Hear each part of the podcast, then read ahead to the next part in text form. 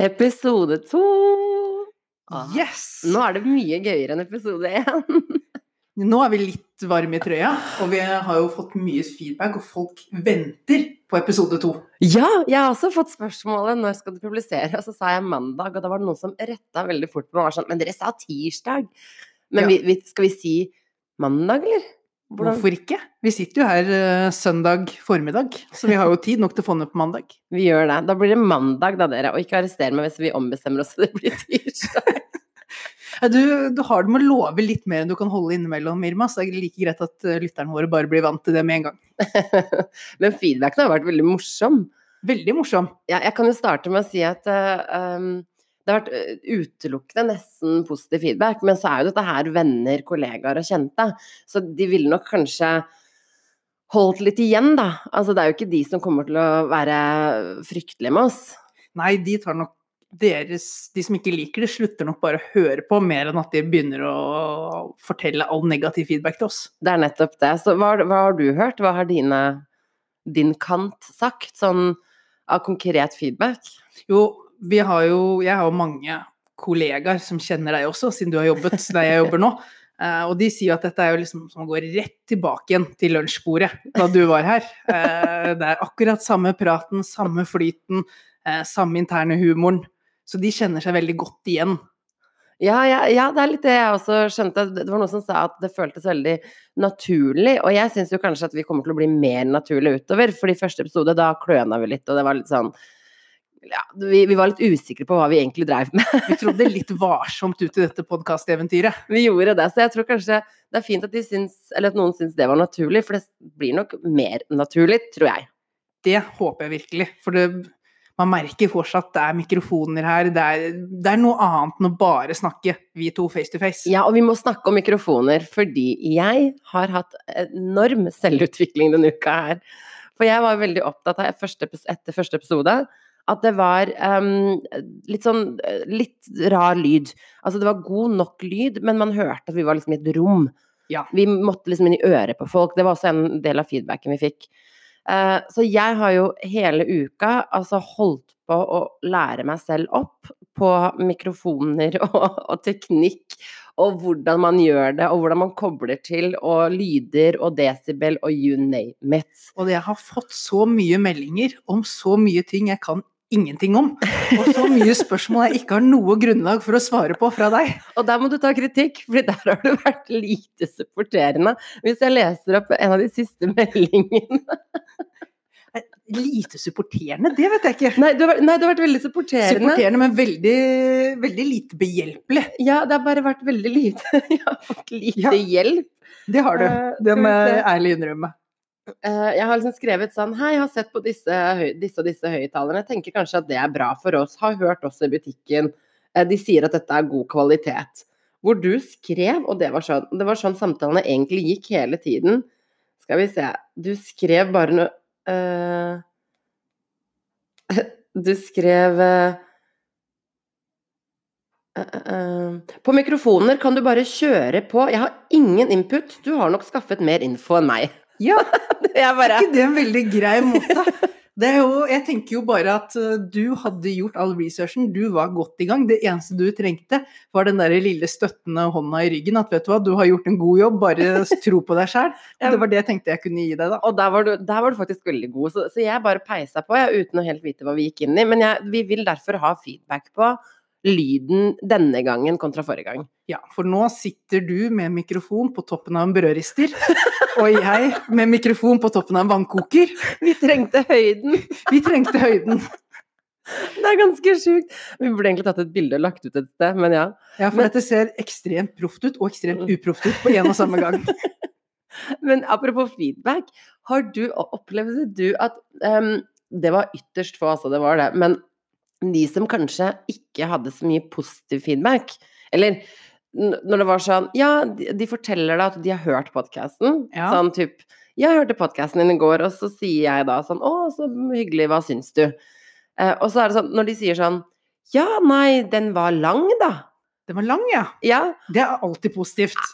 da, da tenker jeg da har du egentlig kanskje mer negativ feedback enn positiv. En positiv, ja. Men så er du så høflig, og, og man er så glad i hverandre på tvers, at man liksom holder det igjen, og bare liksom konkluderer med at ja, den var lang. Den var lang. Ja. Det er sånn veldig objektiv måte å si, si noe på. Det er sånn Den var verken bra eller dårlig, jeg kan bare kommentere lengden. ja. Det er som en uh, veldig standard tidsenhet. Det er det jeg kan kommentere. Det er ufarlig å gå løs på. Men det er klart, du har ikke fryktelig mye positivt å si da. Nei, jeg tror ikke det. Jeg tror, altså, jeg tror nok det er noen der ute som, som har lyst til å gi oss litt mer konkret og kanskje ikke utelukkende positiv feedback, og det må vi være åpne for.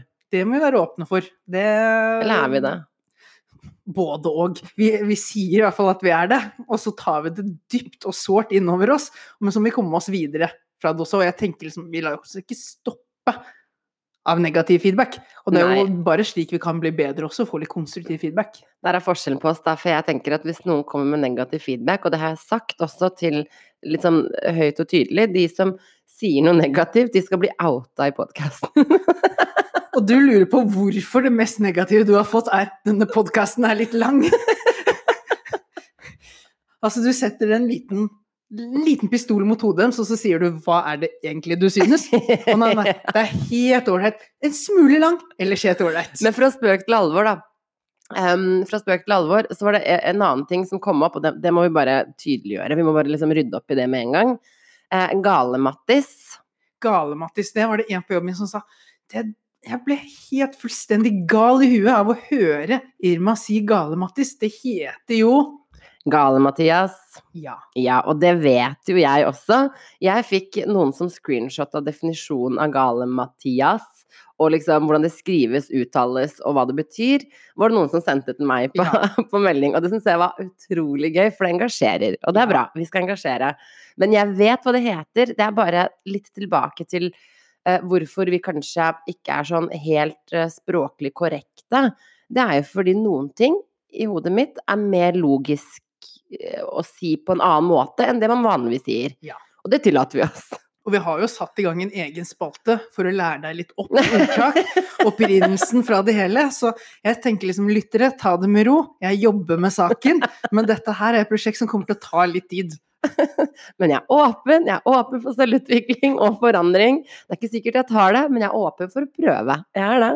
Og dere kommer garantert til å høre meg si feil ting igjen.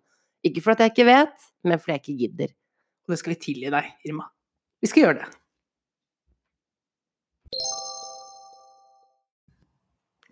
Gratulerer med dagen, Irma. Yeah, kvinnedagen! Yeah! Takk for det, takk for det. Og jeg kan jo si gratulerer med dagen til deg også, fordi dagen i dag handler jo ikke bare om å være kvinne, men om støtte for likestilling. Ja, for det er jo en stor forskjell på det å like kvinner, og det å respektere kvinner, deres rettigheter, deres muligheter, at de skal være likestilt med menn, som jo tross alt er det denne dagen handler om. Det er det vi feirer. Altså, I Norge har vi mye å feire. Vi er veldig gode på veldig mye på likestilling. Altså, vi er jo ranka nummer to på equality-målingene til, eh, til de ulike store aktørene. Hvem er det som har slått oss, egentlig? Island har slått oss. Island, ja. Island har slått oss. Så vi har jo litt å gå på. Men det skal sies at både vi og Island og hele topp ti-lista I en sånn, Hvis vi ser et verdensperspektiv, da, Ja. så er det veldig lett å være god på likestilling, for å bruke Hva heter det Hermetegn. Hermetegn. Ja, det, er litt som å, det er litt som å være best i verden til å gå på ski. Ja. Konkurransen er ikke fryktelig tøff. Nei, det er noe med det, ikke sant. Alle andre er så sjukt dårlige på likestilling. Og da er det lett å kunne liksom slå seg på brystet og si vi er gode. Men vi skal være stolte av det vi har fått til. Vi har fortsatt et godt stykke å gå. Hilsen metoo, hilsen kampanjen til DNB om at kvinner ikke investerer og ikke er en del av samfunnsøkonomien på samme vis som menn. Og ikke minst i henhold til en helt sinnssyk sak jeg leste om russebuss, var det i Bergen? Ja, det husker jeg ikke, men ja, den Hvor- saken der, ja. Hvor de altså ikke tillater kvinner som veier over 60 kilo Og var komme inn på russebussen. gutterussebuss. Ja. Og da snakker vi 17-18-åringer. Unge, vi snakker ikke Det- gamle generasjon, vi snakker helt nye generasjoner. Morgendagens ledere av samfunnet sitter nå og er straks ferdig med skolegangen og sier du må veie under 60 kilo for å få lov å henge med oss. Ja. Og det er altså hårreisende. Hvor altså, Har vi kontroll på de foreldrene der som har styrt disse ungdommene der i den retninga der? For det, det, er helt hårreisende. Og det er der jeg tenker, det er der jeg tenker at for meg så har jo aldri rettferdighet vært helt det man lærte i barndommen, nemlig at 50-50, det er rettferdig. Mm. Eh, men det at man trenger en viss miks, Mm. det skjønner jeg. Og det skjønner jo man at kanskje man burde ha på disse russebussene også, da. Mm. For jeg tenker jo at det er at det er veldig mange som har helt riktig oppfatning av hvordan det skal være personlig, og så samler man seg i noen sånne grupper hvor det dukker opp en gruppedynamikk som bare er helt forferdelig, hvor ting bare spinner ut av kontroll, som Mhm. det jo må ha gjort her. Mm. her. Disse her må jo få noen kvinner inn på russebussen sin Ja. og slå løs på denne forferdelige, forferdelige holdningen og dynamikken som har skapt mellom dem. Jeg tror du er faktisk inne på noe, for jeg tror den gruppedynamikken er det som blir liggende eh, Som blir liggende Som er det som shaper deg, da. Som du Ja. tar med deg ut av gruppa igjen og viderefører ut i samfunnet rundt de rundt deg. Og det er jo ref også disse gutteklubben Grei, næringslivstoppene som møtes til eh, bak lukkede dører og røyker sigarer og drikker konjakk, som de mener bare er sosialt. Ja. Det er klart det ikke er det. Man sitter og gir hverandre en form for og det her gjelder russegutta, det her gjelder næringslivstoppene. Man sitter egentlig og er sånn Dere, hvordan skal vi håndtere dette her? Jo, nå skal vi høre. Jeg har lyst til at vi ikke skal ha jenter under 60 kilo inn. Åh, det er vi alle enige om. Da kan vi stå samla om den holdninga der. Ja. Og da føler man seg trygg på å gå ut og si det ut av gruppa. Og jeg er helt sikker på at det er mange på den russebussen der Mm. som ikke står innenfor det, og som tenker 'herregud, for en idiotisk regel', men som føler at dette er gruppa blitt enige om', og hvis jeg er den idioten som sier ifra, så Mm. blir jeg kasta ut, eller jeg blir idiotforklart overalt. Istedenfor at de personene hadde jo vært de vi skulle sittet her og hyllet. Ja, og, det, og jeg kan skjønne at en 16-17-åring syns det er vanskelig å bli hivd ut av gruppa, fordi man er usikker, man trenger en tilhørighet. Men sånn er vi jo, så mange mennesker er jo sånn i voksen alder. Ja, men hilsen den der eh, næringslivstoppgreia, Ja. saken som var nylig. Der sitter voksne menn, mest mektige mennene i Norge, og er fortsatt der at de søker liksom gruppetilhørigheten, at vi skal være enige, og, og det skjer bak lukkede dører, det er hemmelighetsholding. Og det som stresser meg, ingenting bra kommer ut av det som skjer i mørke eh, skygger, for å si det sånn. Nei. Så hva er det dere egentlig holder på med, Jonas, dere gutta? Ja, hva er det vi, vi holder på med? Ja, eh, jeg tror jo ikke jeg får innpass i den guttegruppen grei eh, noensinne. Eh, det må jeg si. Men jeg tror jo det er, det er jo et eller annet, da. Det er jo dette her med oppfattelsen av at mennesker er like mye verdt. Mm. Det begynner jo med den i utgangspunktet, og at Mm. alle faktisk Det er jo blitt en floskel. Alle er like mye verdt. Så bare Du må jo virkelig mene det, da. Og hvis du virkelig mener det, og etterlever det, så Mm. tar det jo ikke å diskriminere verken på kjønn, på alder, på Mm. utseende, på nasjonalitet, etnisitet. Eh, alt mulig. Så det er jo det de i bunn og grunn eh, ender med, i min verden, da. Ja, og det er vi helt enige om. At det, der at det faktisk sitter veldig mange mennesker, virker det som, da, og tenker at noen mennesker er mer verdt enn andre, basert på det å være skjønn eller holdninger eller vekt eller hudfarge eller seksuelle preferanser. Altså, at det fortsatt sitter sånne mennesker og, og liksom og styrer samfunnet i den retninga at vi skal kategorisere oss, og at noen skal ligge over noen andre.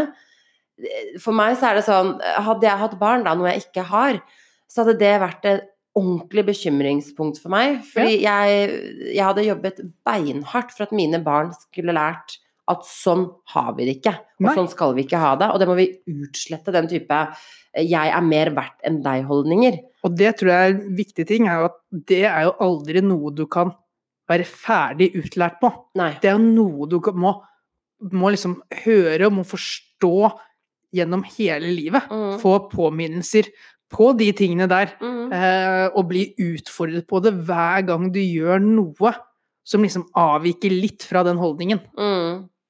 Men vi er, vi er i hvert fall veldig enige, og vi, vi kjemper for å heie på alle. Eh, også mennene, for det er mange menn der ute dessverre som blir dratt, eh, dratt med i den der at eh... La menn være menn er ikke noe som uh, Det er ikke alle oss menn som kjenner oss igjen i den. Vi tenker jo at Nei. det går an å være en type mann som ikke trenger å måtte låse inn i rommet bare menn for å være slik vi er, men at det faktisk er en såpass ålreit utgave av mann at det kan vi være ute blant kvinner også. Og det er bekymringsverdig at dere har et behov for å Dere, hørte det? Du, du, du går rett i strupen på meg. Nå tar vi prototypen. Ja. At dere må låse dere inne på rom for å være dere sjøl. Liksom. Altså, sånn for, å, for å liksom løsne eller liksom snakke fritt, eller hva enn man gjør bak disse lukkede dørene. Det er jo kjempetrist. Ja, det er jo helt fælt, og det er jo der ting går så skeis. For igjen, det er gruppedynamikk. De som skriker høyest, er kanskje gjerne de som også har de mest utadgående, eh, ytterliggående meningene. Og det er de som da ikke blir sagt imot heller, i sånne lukkede avdelinger. Hvis du tar og putter han på gata og skriker det til alle, så vil de fleste bare se litt rart på han. Ja, ikke sant. Nei, vet du hva, vi er i hvert fall enige om at vi, vi skal fortsette kampen. Vi er gode, men vi har et langt stykke å gå før vi er der vi skal være, og før det faktisk er likestilling.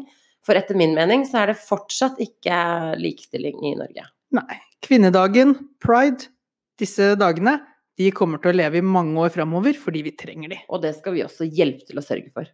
Garantert. Gratulerer med dagen. Gratulerer med dagen. Altså, vi kunne snakket om kvinner og likestilling og samfunn i evigheten. Jeg kjenner jeg har så mye på hjertet der, det er så mye jeg lurer på, det er så mye jeg kunne diskutert. Det blir en spin-off-podkast på deg snart. Ja, ja, ja det, jeg skal lage min egen likestillingspodkast ved siden av. Nei, vet du hva. Men apropos ulikheter, så har vi jo forberedt noe, noe helt annet. eh, Det er også. ulikhet på en helt annen måte.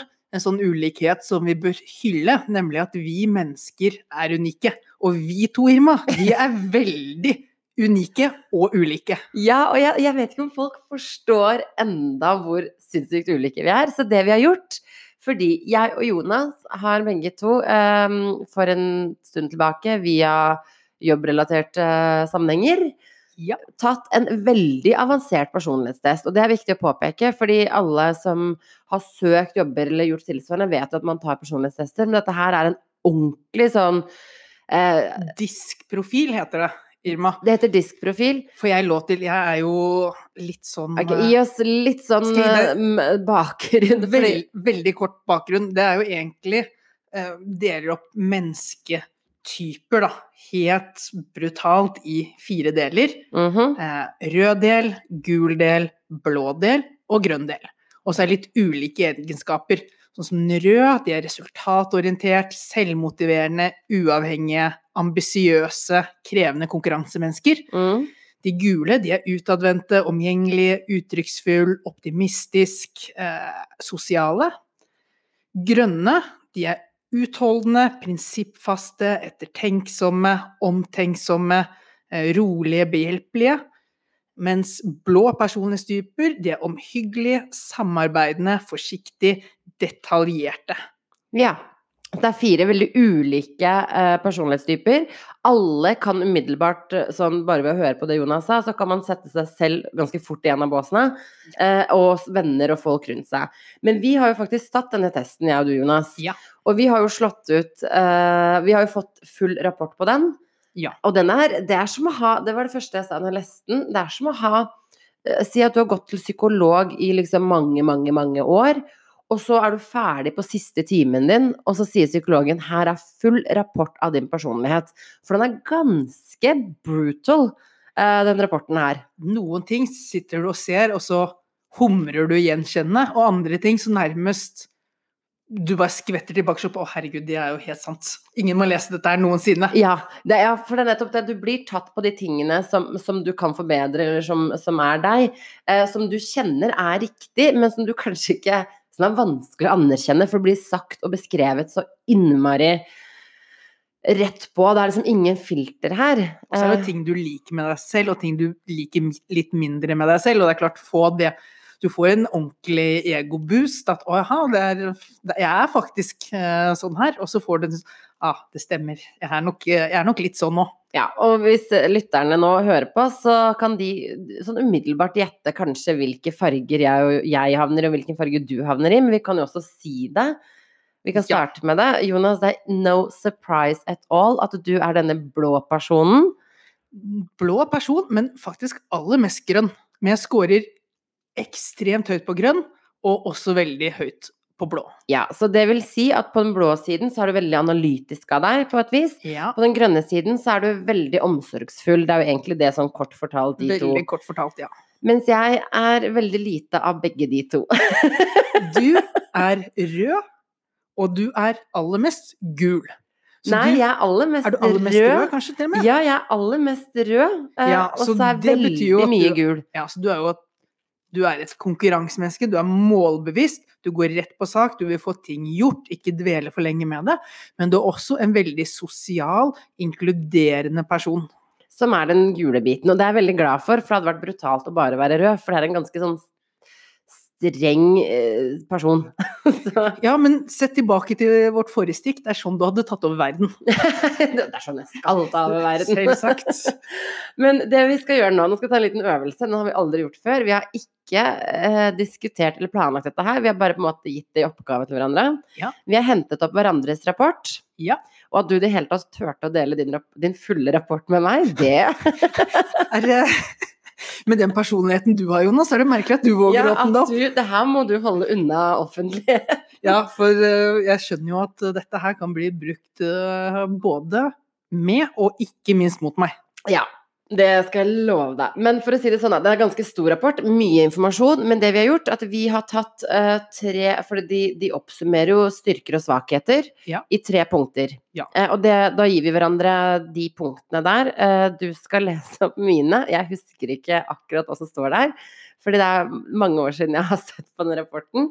Og jeg har screenshot av dine, så, så det her kan vi ta en liten runde på. Ja. Så skal vi begynne, skal vi, skal vi starte med svake Altså det som de omtaler som mulige svake sider, så får vi liksom det verste unnagjort.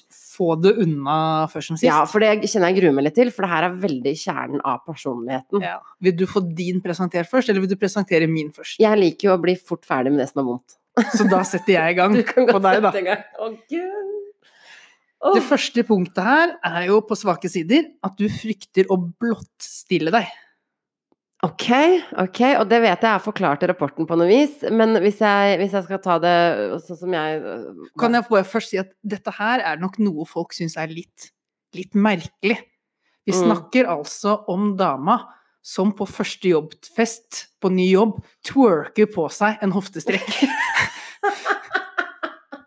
Så fullst, og du er ikke fullstendig redd for å blottstille deg? Nei, men det er liksom hvilken grad av blottstilling er det de, de er på en måte ute etter, eller hva de, hva de henviser til. Og det, det tror jeg handler om at uh, jeg, jeg synes Akkurat den der er vanskelig. Det er nok mye sannhet i det, men jeg klarer ikke helt å definere liksom uh, Snakker vi om liksom dyptgående blottstilling, sånn hvem Jeg føler at jeg er ganske Du er åpen og ærlig. Ja. Så er spørsmålet om du føler Er du liksom redd føler du noen gang på redselen for å bli tatt for noe? At du sånn sett ikke åpner deg, eller er det rett og slett en liten miss fra Nei, det er nok ikke noe miss. Altså, den rapporten er ganske nøyaktig. Jeg, jeg, jeg, jeg vet ikke. Er, jeg har vanskeligheter med å Altså, blottstille øh, Ja, nei, det er et godt spørsmål. Ja, Du sitter her på podkast i hvert fall, så du, sånn sett så blottstiller du deg mer nå enn du har gjort tidligere.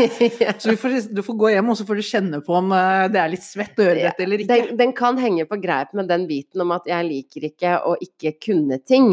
Så jeg, kanskje, kanskje gir jeg ikke uttrykk for at dette kan jeg ikke når jeg ikke kan det. Skjønner du hva jeg mener? At det kan være en sånn type blottstilling sånn Eller at jeg kanskje er dårlig på å blottstille 'dette er jeg dritgod på', og så har jeg ikke lyst til å liksom overkjøre, for jeg vet at jeg tar mye plass. Ja. Sånn utgangspunktet. Altså, det kan være noe i de banene der. Ja, for en annen punkt her er at du setter vanligvis fakta foran følelser.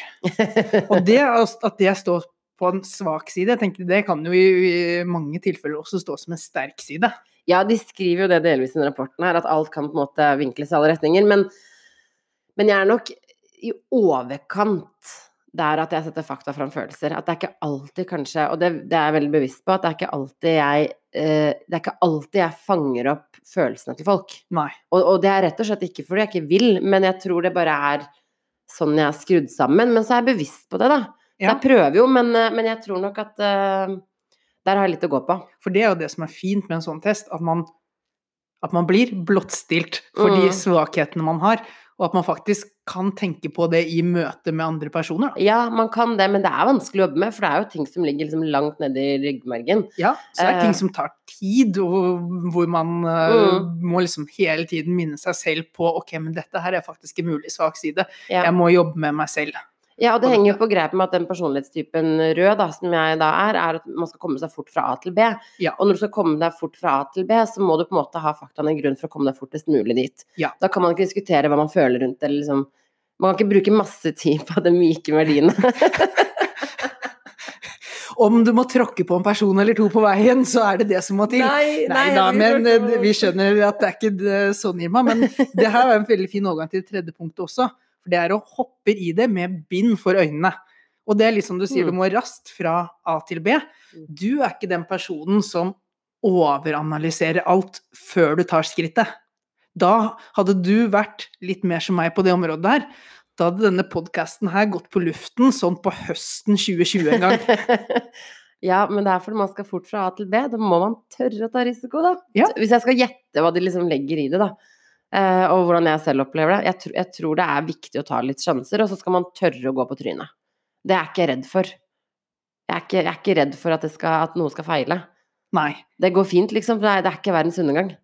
Nei, og det er jo noe av det jeg liker veldig godt med deg. Så jeg syns jo det er en styrke mer enn en svakhet.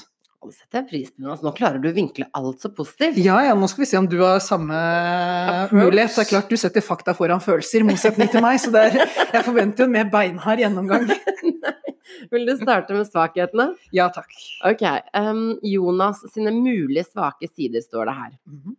uh, og da eh, kan jeg starte med den som sier at du syns det er vanskelig å reagere positivt på aggressivitet. Og da må jeg bare få sagt én ting. Jeg kan ikke skjønne hvordan man skal reagere positivt på aggressivitet. Nei, men jeg tenker at sånn som du, da. Du hadde nok mer reagert med aggressivitet mot aggressivitet. Og sånn sett, eh, og sånn sett kunne havnet i en konflikt, men på den måten også klart å få et annet menneske til å backe litt av. Hadde det bare vært mennesker som meg, og én rød, aggressiv person, så hadde det jo bare vært å valse over oss. Eh, Så det er nok det der at jeg blir veldig defensiv, og istedenfor å si ifra, stå imot og få fram mine meninger, så kan jeg heller liksom kue meg litt, og så Mm. får jeg Men det er klart, du får ikke tilliten min på å gjøre den måten, så du får ikke det beste ut av meg. Men eh, da burde nok jeg heller klart å stå imot, si ifra. Så det er en måten jeg reagerer på, er nok en svak side. Ja, jeg er ikke så sikker på det, så jeg tror ja. Men det leder meg over til neste, som henger litt sånn eh, litt sånn sammen med den, på et vis. Du har vanskelig for å dele bekymringer og motforestillinger med andre enn nære likesinnede som du stoler på. Ja. Og, og det er fordi, det er litt som vi snakket om i første episode, du må føle deg trygg. Eh, og så tenker jeg en person som deg, med så mye klokt du har å si, og så mye reflekterte meninger som du har. Mhm. Hadde jeg vært deg, da, så hadde jeg peisa på, liksom. Jeg hadde kjørt Ja. på, snakket høyt og tydelig og fortalt hvor jeg står hen. Du er litt sånn Du, du holder igjen litt. Ja, og derfor kan jeg jo heller sitte her sammen med deg i trygge omgivelser og broadcaste mine meninger ut i hele verden. Det er min måte å få det ut uten å føle meg helt skremt. Uten å bli møtt med aggressivitet. Uten å møte, bli møtt med aggressivitet. Det er klart Hvis noen vil få slutt på denne podkasten, så er det bare å møte meg med, meg med aggressivitet. Og så må jeg enten da sende de til deg, eller så må vi bare legge ned hele saken. Og så kommer den siste jeg legger inn her, og det tror jeg mange kan kjenne seg igjen i, inkludert meg selv. Og det er ikke så mm, Det er ikke så rart, da. eh, For det er en vanskelig øvelse. Eh, Du går umiddelbart i forsvarsposisjon når du føler deg truet. Ja. Og da er liksom Og da er det jo truet Altså, jeg har jo gjerne Når jeg gjør ting, så gjør jeg det jo gjennomtenkt. Jeg har tenkt lenge på det, jeg har mm, fundert på hvordan jeg skal legge dette fram, osv. Hvis vi snakker presentasjoner eh, For eksempel kan du dra veldig rask eh, erfaring fra jobb denne uka. Vi skulle hatt et, I helgen skulle hatt et møte med med en haug med butikksjefer og alt mulig. Eh, Jeg skulle ha presentasjon, og så trener vi på det, og så får vi feedback underveis. Mhm. Og så er det klart at når du får feedback, så er det noen som hører dette for første gang, og så har de med en gang noen motforestillinger. Hvorfor gjør du ikke dette, hvorfor gjør du ikke dette her? Mm. Eh, og det er klart jeg klarer å ta til meg feedbacken, men jeg er veldig dårlig der og da, for jeg har tenkt så lenge gjennom hvordan jeg skal presentere dette. Du hørte det for to minutter siden Mm. og har en helt annen mening. Da må jeg ha litt tid på å ta det innover meg, forstå, liksom reflektere over den feedbacken jeg får, da Mm. og så kunne jobbe det inn, mer enn at For hvis ikke, så Jeg er veldig dårlig da på stå opp for mine egne meninger med en gang og ta den diskusjonen fram og tilbake. Jeg må la Mm. det lande litt først, da. Men jeg syns ikke det er så rart, for den Jeg tror mange har den biten der som en Altså, det er vanskelig å stå og bli tatt på noe, eller at noen sier 'dette var ikke godt nok', eller 'det du sa er feil', og så skal du liksom stå og Litt rakrygget i det, men også lære av det. Det er en Ja. vanskelig balanse i det, fordi det er klart at det er litt den derre 'hvordan blir det formidlet' også, da. Ja, men jeg føler jeg går litt i forsvarsposisjon der og da. Men at jeg tar det med meg likevel. Mm Og tar det innover meg. eh, Og jeg tenker jo ikke at det jeg har gjort er perfekt i utgangspunktet, men der og da, i møte med en potensiell konflikt, så velger jeg å skygge unna konflikten. Mm. og kanskje legge meg istedenfor å bare svare tilbake og få en dynamisk eh, feedback-prosess, da. Så Mhm. blir den litt mer statisk, for jeg får feedback, tar den til meg, tolker litt, legger inn det jeg kan, og så presenterer jeg til slutt. Ja, for det skal faktisk sies at det var også en på, på lista di over svakheter, så sto det at du, du er livredd for konflikt. Og det har vi jo Ja, ja. snakket litt om. Og det, og Skyr konflikter som Du pesten, står det ja, bokstavelig det står bokstavelig talt. Huh, det var en øvelse. Den kan, nå, nå er vi ferdig med svake sider. Trenger vi noen sterke sider, Irma? Nå Nå ramser vi opp alle de sterke sidene for å kompensere for at vi må innse at vi har svake sider. Ja. Og da jeg, jeg bare kjører på med dine positive sider, jeg. Um, Alle? Alle på en gang, nei da. Den, bare, det er så mange, Jonas. Det er så mange, altså. Vi, vi har brukt mye tid allerede, Jonas. Vi har fått feedback på at podkasten er litt for lang. Da kan vi ikke begynne på dine positive sider. Jo da, men den første passer jo veldig fint inn på dette podkast-eventyret vi så vidt har startet på. Mm. For din, en av dine mulige sterke sider er at du er en naturlig nystarter, nysgjerrig og tilpasningsdyktig. Uh. Og den føler jeg en naturlig nystarter, at du har startet opp dette her. Eh, nysgjerrig og tilpasningsdyktig med en gang det du hørte etter at du hørte på første episode. Vi kan få bedre lyd. Du ante ikke hvordan det skulle gjøres, men du begynte å google, du begynte å søke, du dro i butikken, du prata med folk. Eh, du overøste meg med hva du hadde lært. Jeg ga deg bare beskjed. Veldig bra, Emma, du er flink. Vi kjører på det du føler er best. Eh, og sånn sett så sitter vi her med mye bedre lyd enn vi gjorde på første episode. Ja, ikke sant. Det er Morsomt at du hadde reflektert inn også inn i nåværende situasjon. Gøy. Ja. Ja. Det neste er jo at du er intuitiv og optimistisk. Ok. Så jeg føler jo at du kommer jo Alt trenger ikke å være planlagt for din del. Du går litt for det du føler for der og da. Mhm. Vi har jo for eksempel hatt treningsøkter hvor vi har vært enige om at ok, men i dag trener vi mage og rygg. Og jeg går og skifter, klar til å trene. Og jaggu har du hentet utstyr for å drive med beinøkt. For det var det du følte for der og da. Du husket ikke helt hva vi skulle gjøre, men du følte det var intuitivt, så var det en beinøkt som passet deg. Det er så gøy at du setter det i real life eh, Ja, jeg tenkte jeg, jeg får ikke gjøre det med de svake sidene, for da er det vanskelig for deg å forklare deg bort ifra dem, men med de sterke sidene kan jeg gjøre det. Å, det har jeg ikke tenkt på, Jonas. Det er genialt. Så sånn sett intuitiv og optimistisk om at dette her kommer Jonas til å være med på. Grønn person tar hensyn til følelsene dine. Selvsagt kjører vi en benøkt, Irma. Det hadde jeg i går òg, men det ble bare sterkere av. Du er genial. Og så den siste sterke siden, Ja. og her må jeg faktisk arrestere deg litt, Irma, for Oi. det står at du er rask og våken. Oi, og det mener du det ikke? Altså, jeg skal ikke si at du ikke er rask og våken, de fleste hører nok at du er på'n her, du er uh, i gang. Men vi skulle jo spille inn denne podkasten her, ja, vi tar det på søndag, jeg bare skal stå opp, og så kommer jeg ned til deg, Jonas. Halv tre satte vi i gang med innspillingen. Det er sånn i beste fall halvveis raskt, men du er i hvert fall våken, da. Det skal du ha. Det tar litt tid å få deg våken, men når du først er våken, da er du våken. Og det er så sjukt åssen du har reflektert over det her. Altså, ja, jeg kan ikke by deg på like mye. Det er altfor for gøy. Takk for, takk for refleksjonen. Vær så god. det er sjukt beinøkt, du. Åh, ok, nå kan- skal jeg prøve å sette i sammenheng hos deg òg, for at det kan jeg egentlig gjøre. Hadde, hadde hukommelsen min vært av, den, av mine sterke sider, det er den jo ikke. Uh, skal vi se. Um, Jonas, du merker gruppens behov.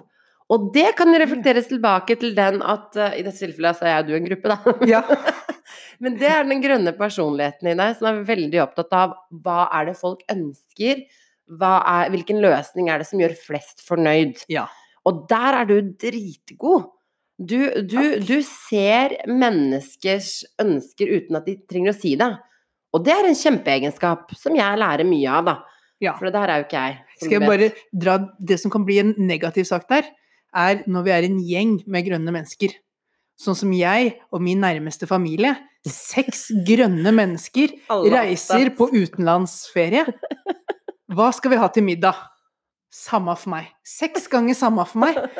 Det betyr at vi går en og en halv time rundt skrubbsultne, blir litt mindre hyggelige med hverandre for hvert minutt som går, før til slutt den mest sultne skjærer igjen og bare Vi skal ikke gjøre det, da. Alle andre bare Jo, helt greit. Å, herregud. Altså, da blir beslutningsprosessen veldig lang, da. Det er så beslutningsvegring i en gruppe med bare grønne mennesker. Fordi man vil ikke tråkke på noe, man vil at alle skal ha det bra, så da tør ikke jeg å ta beslutningen. For jeg vil ikke, i tilfelle det ikke er det du ønsket. Nettopp. Jøss, da lærte jeg noe nytt om deg og din familie, det er gøy. Ja. Um, og her er vi forskjellige. Oi, oi, oi. Du opprettholder etablerte regler og prosedyrer. Ja. Og det gjør du! En klassisk regelrytter. Ja, du, du, du er en av de som mener at, eh, at, at det, det må følges for at det skal være system i samfunnet. Mens, mens der er jeg helt forskjellig, for jeg tenker det må utfordres, for det kan bli bedre rutiner og prosedyrer. Ja. Jeg kan jo ta Skal jeg dra et eksempel? Det må du faktisk. Ja. For eh, det var jo da, som vi har vært inne på, jeg startet jo i din gamle jobb eh, for et par år siden. Mhm. Og en av dine intuitive og optimistiske ideer var at vi skulle dra i gang folk på kontoret til onsdagstrening. Stemmer det. Den rutinen har jeg opprettholdt, til tross for av et kontor med sånn 50-60 mennesker, så er vi maks tre-fire stykker som er med hver eneste onsdag. Som regel er det bare meg og en annen. Men jeg har opprettholdt rutinene. Det går en påmeldingslapp på kjøkkendøra hver eneste uke. Folk kan gjerne melde seg på. De gjør det ikke, men rutinen er etablert. Jeg holder på den. Uansett hva. Uansett hva. Det er, Ja, ja, ja. det er en god egenskap, altså. Det er uten tvil. Og så står det 'Han står for det han har sagt', og det gjør du. Det er ikke en gang i verden En gang i verden, det var også en god setning. En veldig god en. Ja. eh, Det er aldri har jeg opplevd at du ikke har fulgt opp det du har sagt. Og det er en sjelden luksusvare man får i mennesker i dag. For jeg står ikke for det jeg sier. Jo, på mange måter gjør du det, men det er klart du du er jo mest, du, ja, du er mester i dobbeltbooking og forskjellige ting, så du, intensjonene dine er jo like gode som mine. Det er bare at jeg har kanskje litt mer orden i det også. Når jeg først sier at ja, men dette skal jeg gjøre, dette skal jeg møte opp Mm. og sånn, så setter jeg av eh, tid til det.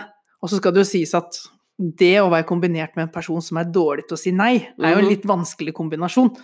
Eh, men eh, igjen, da, det er jo det her andres behov og følelser er viktig for meg, så da må jeg også stå for det jeg har sagt. Ja, og der har jeg et eksempel, og det er når jeg og du eh, jogget til jobb. Eh, Vi driver med veldig mye sånn snikskryt, la meg bare ha det sagt. Ekstremt mye. Men, og det skal vi fortsette med. Men vi har jo avblottet våre eh, svake sider, så hvis ikke vi får lov til å skryte litt av oss her, så skjønner jeg ingenting. Eh, Når vi skulle jogge til, til jobb, og du hadde jo faktisk fått noe betennelse i leggen, var det Ja. det? Stemmer det? Det Og det her visste ikke jeg noe om, men fordi vi hadde blitt enige om å møte klokka seks på morgenen, og skal vi løpe til jobb Det var liksom først etter at vi hadde løpt den ruta, at du var sånn Du, jeg tror kanskje ikke jeg får til det her i morgen, for jeg har hatt vondt i leggen veldig lenge. Ja. Og det er fordi du bare Vi har blitt enige om å møtes klokka seks, og da må det skje. Ja, og så vet du, det er jo helt idiotisk, for jeg vet jo hadde jeg sagt det til deg, så hadde du vært ja, men selvsagt skal ikke du løpe da. Men jeg, der er jeg så, sånn bare, nei, men jeg har sagt det, da får jeg stille opp. Ja, det, her, det her var en morsom øvelse. Det er mye mer enn rapporten her som kan bli dratt opp, som, hvor de bl.a. beskriver noen av disse egenskapene. Og det kan vi ta en annen anledning, for det, det er ganske brutalt. For da sier de det akkurat sånn som det er. Ja. Og nå kan kanskje folk sitte der litt hjemme, og så kan de lage sin egen lille skala i hodet. Mm. Fra en Irma til en Jonas.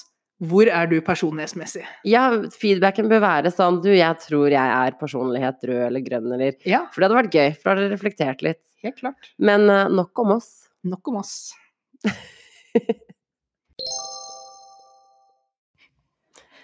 Ja, Irma. Det viktigste til slutt. Vi har jo introdusert spalten 'Bedre med en ugle i mosen enn ti svin på skogen'. Har du gledet deg? Nei, det har vært så mye diskusjon rundt den forrige spalten. Ja, for uh, ordtak er jo fremdeles ikke din absolutte styrke. Kommer aldri til å bli. Kommer aldri til å bli.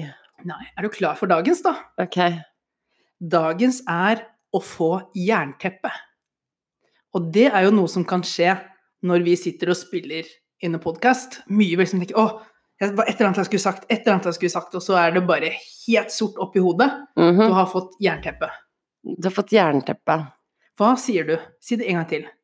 Jern, jernteppe? Hjerneteppe? Hjerneteppe? Hjerne som i det som er oppi hodet ditt, HJ. Ja, det er jo hjerneteppe. Det er akkurat det jeg håpet du skulle si.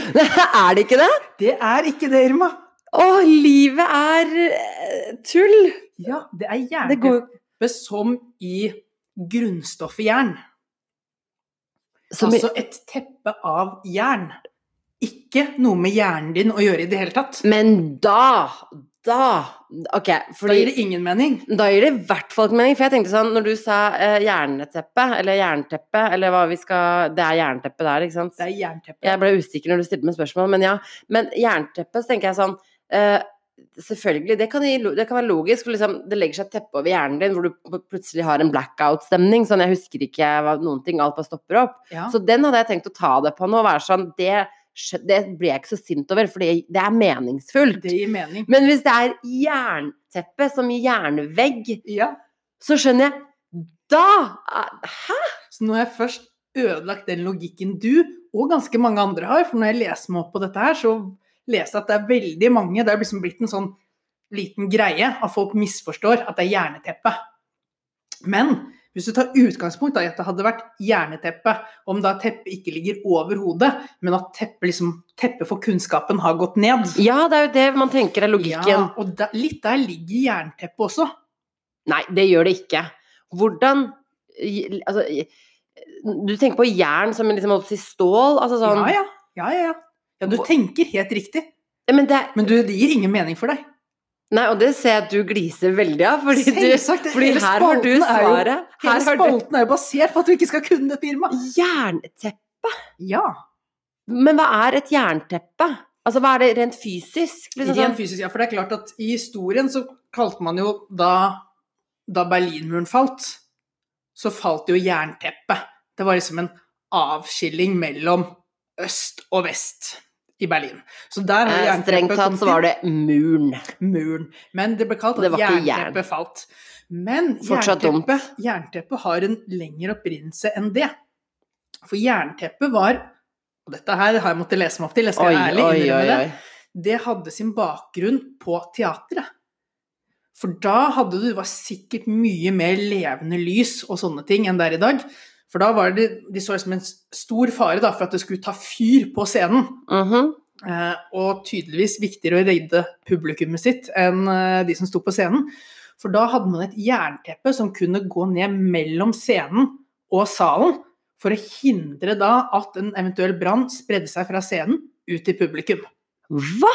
Og så er hele ordtaket basert på det? Nei, det har nok heller da begynt med at i og med at disse skuespillerne hadde dette jernteppet, da, en egen ting å forholde seg til, så ble det med et uttrykk for dem når de begynte å glemme replikker og sånt. Ah, der gikk jernteppet ned.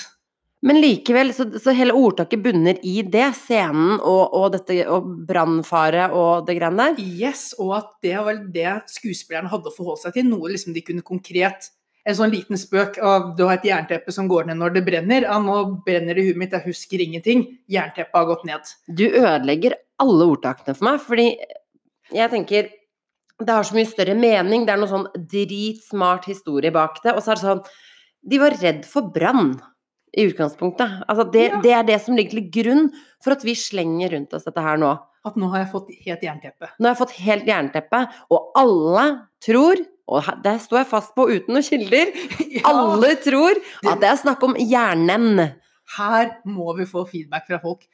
Eh, Har dere trodd at det er snakk om hjernen, eller har dere trodd at det har vært snakk om grunnstoffet jern? Ingen der ute som vet om at de hadde et jernteppe på scenen et eller annet Nei, sted. hvor- jeg tror ikke de tror på historien, men trodde de det var- ble kalt å få jernteppe, eller trodde de det var kalt å få hjerneteppe? Alle trodde det her er jerneteppe, altså eh, et teppe som legger seg omtrent over huet ditt, og det er bare blackout. Det er ingen som har tenkt at dette her er et altså jern som Vi i må, vi må høre hva folk sier, Irma. Nei, dette, denne her, kampen her, skal jeg gledelig ta. Den er jeg er overbevist om at jeg har folket med meg på det her.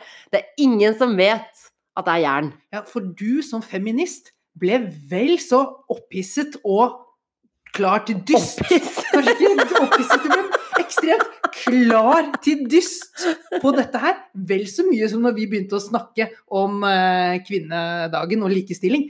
Her tente du på alle plugger. Jeg må ha logikken, og jeg syns ikke det er logisk. Jeg syns det er kjempeteit. Fordi hjerneteppet da, da tror jeg kanskje at moderne bruk av det er det som egentlig er gjeldende. Og det er liksom jerneteppe. Du føler, du føler at vi har videreutviklet dette Jeg tror den har gått i arv og blitt til noe nytt, med en annen type visuell fremstilling av det. og mye mer logisk. Mye mer logisk. Så den Og igjen, dette her bare poengterer alt jeg har sagt hele tiden. Ordtak gir ingen verdens mening. Det er tåpelig, og vi kaster det rundt oss som om vi alle vet hva det egentlig betyr. Det gjør vi ikke. Nå tror jeg rett og slett vi er nødt til å senke jernteppet, for den her flammen som brenner hos deg, den kan ta fyr i publikum hvis ikke vi får ned jernteppet fort som fy og avslutter denne episoden. Ja, vi må nok det, for nå er det også Nå, nå er episoden for lang allerede, tror jeg. Ja. Den er for lang. Takk for i dag, da. Takk for i dag.